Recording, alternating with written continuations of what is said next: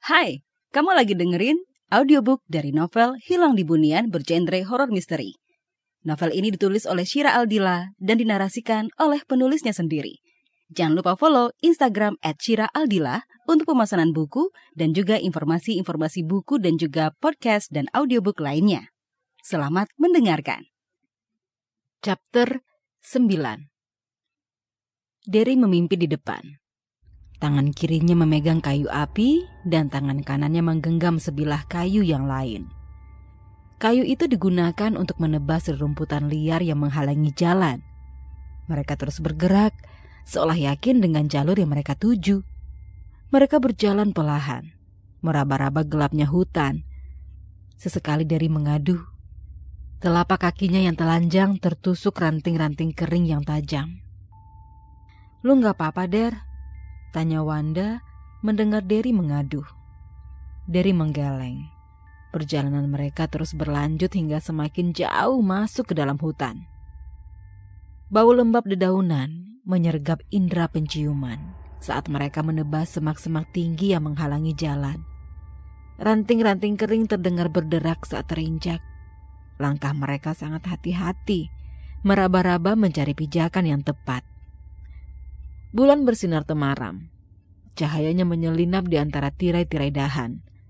Semakin jauh mereka berjalan, semakin mereka menemukan kehampaan. Dahan-dahan kayu semakin lebat.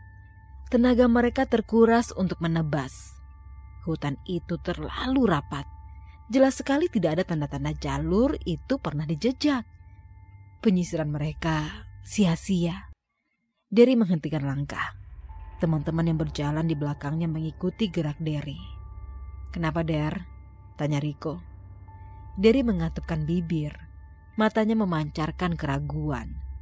Kali ini dia yakin bahwa jalur yang mereka ambil untuk menyisir hutan adalah jalur yang salah. Kita balik aja yuk, kita keluar lagi dan menyisir dari sisi yang lain, saran Aji. Ide bagus, sahut Riko. Derry mengangguk setuju. Mereka memutar badan, menikam jejak yang mereka lalui tadi. Kini, setelah berputar arah, Wanda yang awalnya paling belakang kini berada di bagian paling depan, memimpin barisan. Langkahnya terlihat ragu-ragu saat mencari jalur keluar hutan. Riko, lu pindah ke depan, ucap Wanda pasrah, karena tidak menemukan jejak perjalanan mereka. Pencahayaan minim dari api obor membuat Wanda kesusahan menghafal jalur. Kiri kanan jalan terlihat sama saja, hanya semak dan kegelapan hutan. Riko berpindah ke depan. Lelah mulai menyerang. Dahaga dan lapar menyiksa mereka. Baju renang berbahan spandek yang tadi sempat mengering, kini kembali basah oleh keringat. Dari sempat mengamati semak-semak di sepanjang perjalanan mereka Bentuknya sama, seolah-olah mereka hanya berputar-putar di sekitaran itu aja.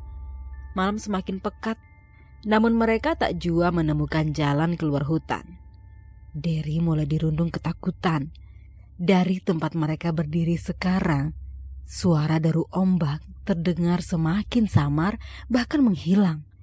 Berganti menjadi nyanyian serangga malam yang mendengung keras di gendang telinga. Seperti nyanyian kematian. Derry mengaduh lagi. Jalannya kini terpincang-pincang. Langkah kakinya terseok karena menahan perih yang menjalar dari telapak kakinya yang telanjang. Sebelum berenang tadi, Derry menanggalkan sendal dan meninggalkannya di kapal. Dia mencebur ke air dengan sepatu katak di kakinya. Sepatu khusus menyelam. Ujung sepatu itu memiliki sayap. Fungsinya untuk mengayuh agar bisa berenang lebih cepat. Tentu saja sepatu itu tidak bisa digunakan untuk berjalan di darat. Berbeda dengan teman-teman yang lain, mereka tadi berenang menggunakan sendal bertali, sehingga mereka tidak merasakan tajamnya ranting kayu menggores tapak kaki. Aji yang berjalan di depan Derry mendengar dia mengaduh lagi. Aji menoleh ke belakang. Dari pendaran api obor, Aji dapat melihat wajah Derry yang meringis. Kenapa kak? Tanya Aji sambil menghentikan langkahnya. Wanda dan Riko ikut berhenti dan menoleh ke belakang. Gak apa-apa, yuk lanjut, Derry berusaha tegar, padahal perih di kakinya semakin menghujam. Au! Bakik Derry. Bibirnya mendesis. Perih di kakinya semakin menjadi. Dia sudah tidak kuat menyembunyikan kesakitannya lagi. Lu kenapa? Riko datang mendekat. Kaki gue sakit, ucapnya menyerah. Derry duduk di antara semak-semak yang lembab. Cahaya obor diarahkan ke telapak kakinya. Tampak goresan yang mengeluarkan darah kedua tapak kakinya terluka parah. Ya ampun kak, kenapa nggak bilang dari tadi sih? Ujar Aji. Dia ikut meringis melihat kondisi kaki Derry. Pakai sendal gue, suruh Aji. Terus lu gimana? Udah, nggak apa-apa nih, kak, pakai. Aji melepas sendalnya dan menyodorkannya ke Derry. Derry memakai sendal itu. Dia lagi-lagi meringis saat sendal itu menempel ke telapak kakinya yang terluka. Terasa lengket dan ngilu. Pas, tanya Aji. Kebesaran sih, tapi nggak apa-apa. Talinya sudah aku kencangkan. Thanks ya Ji, ucap Derry dengan senyum yang getir. Lelah telah meraja di tubuhnya. Karena perjalanan mereka yang memutar-mutar dan arah jalur keluar hutan tidak kunjung ditemukan, Riko berencana untuk mencari jalur itu berdua dengan Wanda. Kondisi Derry sangat tidak memungkinkan untuk diajak berjalan mengitari perjalanan yang tidak jelas muaranya. Der, lu sama Aji, istirahat di sini dulu aja ya. Gue sama Kak Wanda akan mencari jalur keluar. Jangan ke mana-mana sampai gue dan Kak Wanda kembali. Perintah Riko. Derry dan Aji menyetujui perintah itu. Mereka duduk di atas tanah lembab di antara semak-semak Cahaya obor yang meremang menjadi penerangan mereka satu-satunya. Wanda berjalan mengikuti Riko, mencari bekas semak yang telah mereka tebas. Namun aneh, sepanjang perjalanan, semak-semak itu terlihat tegar. Tidak ada bekas pernah tersentuh sama sekali. Riko kebingungan, mencoba berbelok ke kiri dan ke kanan, mengikuti arah sesuai intuisinya. Dan di tengah pencarian, mereka akhirnya menemukan sebuah jalan setapak. Meski jalan itu terlihat kecil, namun semak-semak yang mengapit jalan setapak itu rebah, seperti baru saja ditebas atau sesuatu baru saja menginjak semak itu. Tanah di jalan setapak itu becek dan lembek. Tercium bau lumpur bercampur bau kotoran hewan. Riko berpikir sejenak, ke mana jalan setapak ini akan membawa mereka. Kita coba aja dulu kok. Mudah-mudahan jalan ini membawa kita keluar hutan. Usul Wanda. Meski mereka berdua sama-sama ragu, mereka tidak punya pilihan. Wanda dan Riko mengamati kembali jalur itu. Ada bekas pijakan kaki. Gelap yang menghalangi penglihatan mereka membuat mereka tidak dapat melihatnya dengan jelas. Tekstur tanah yang becek itu terlihat berlubang-lubang. Sepertinya sering dilewati oleh manusiakah? Atau mungkin perlintasan hewan-hewan hutan? Kita jemput Aji dan Dery yuk kak. Nggak ada salahnya kita coba jalur ini. Ucap Riko. Wanda mengangguk dan mengekor di belakangnya. Dari balik semak, Riko melihat pendaran cahaya seperti sepasang kunang-kunang yang terbang. Dia mengikuti arah cahaya itu. Saat berjalan mendekat, kunang-kunang itu berubah menjadi api api yang masih menyala dari obor Derry dan Aji. Aji membopong tubuh Derry, membantunya berjalan dengan luka yang terasa sakit saat dibawa berjalan. Riko dan Wanda menatapnya iba. Namun, jika tetap bertahan di sini juga bukan pilihan yang baik. Gak apa-apa, gue gak apa-apa. Derry menenangkan teman-temannya yang khawatir. Untuk meyakinkan teman-temannya, Derry mendorong tubuh Aji yang sedari tadi membopongnya. Dia mencoba berdiri kemudian berjalan dengan kakinya sendiri. Meski tampak tertatih, Derry sekuat tenaga menyembunyikan wajahnya yang meringis. Yuk, tunggu apa lagi? Kita harus secepatnya pergi dari sini. Pukas Derry. Wajahnya dipaksa semberingah, meski batinnya dilanda badai kecambuk yang mengerikan. Wanda menjulurkan tangan ke depan. Tos dulu dong untuk petualangan kita. Wanda menyemangati. Aji meletakkan tangannya di atas tangan Wanda. Disusul Riko juga Derry yang jalan mendekat sambil berjincit. Yel-yelnya apa kak?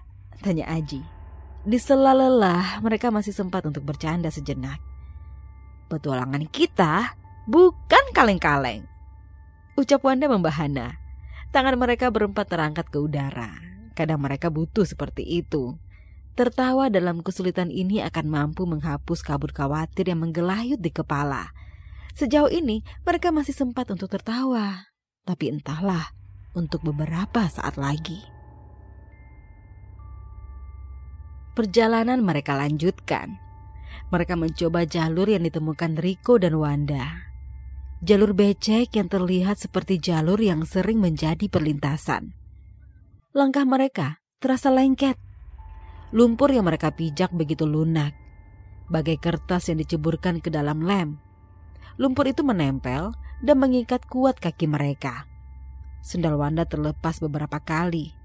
Tanah itu merekat kuat setiap benda yang menekannya. Terlebih dari ukuran sendal Aji yang kebesaran tentu menyusahkannya untuk berjalan. Dia terbungkuk berkali-kali memungut sendal yang terlepas itu. Meski kepayahan, tidak terlintas raut menyerah di wajah mereka sekalipun. Mereka bergerak penuh semangat. Mereka meyakinkan diri bahwa jalan setapak itu adalah satu-satunya jalan keluar dari masalah yang tengah mereka hadapi. Mencari Mira, kemudian enyah dari pulau terkutuk ini. Setiba di ujung jalur, mereka disambut oleh sebuah pohon besar akar-akar halus menjuntai bagai bulu-bulu hantu yang siap menerkam mereka. Akar-akar besarnya melata di tanah, sebentuk naga yang sedang melilit mangsa. Ulirnya besar-besar. Pohon itu mungkin sudah seumuran dengan bumi. Uzur dan mencekam. Buntu kok, desis Wanda putus asa. Mereka terpaksa menelan pil pahit. Harapan mereka pupus. Perjalanan yang telah mereka lalui dengan kepayahan berbuah kebuntuan. Dari melenguh kesal, dia duduk terhenyak, menyandarkan tubuhnya di akar pohon. Air matanya menganak sungai saat melihat semak-semak yang tumbuh rapat mengelilingi pohon besar itu.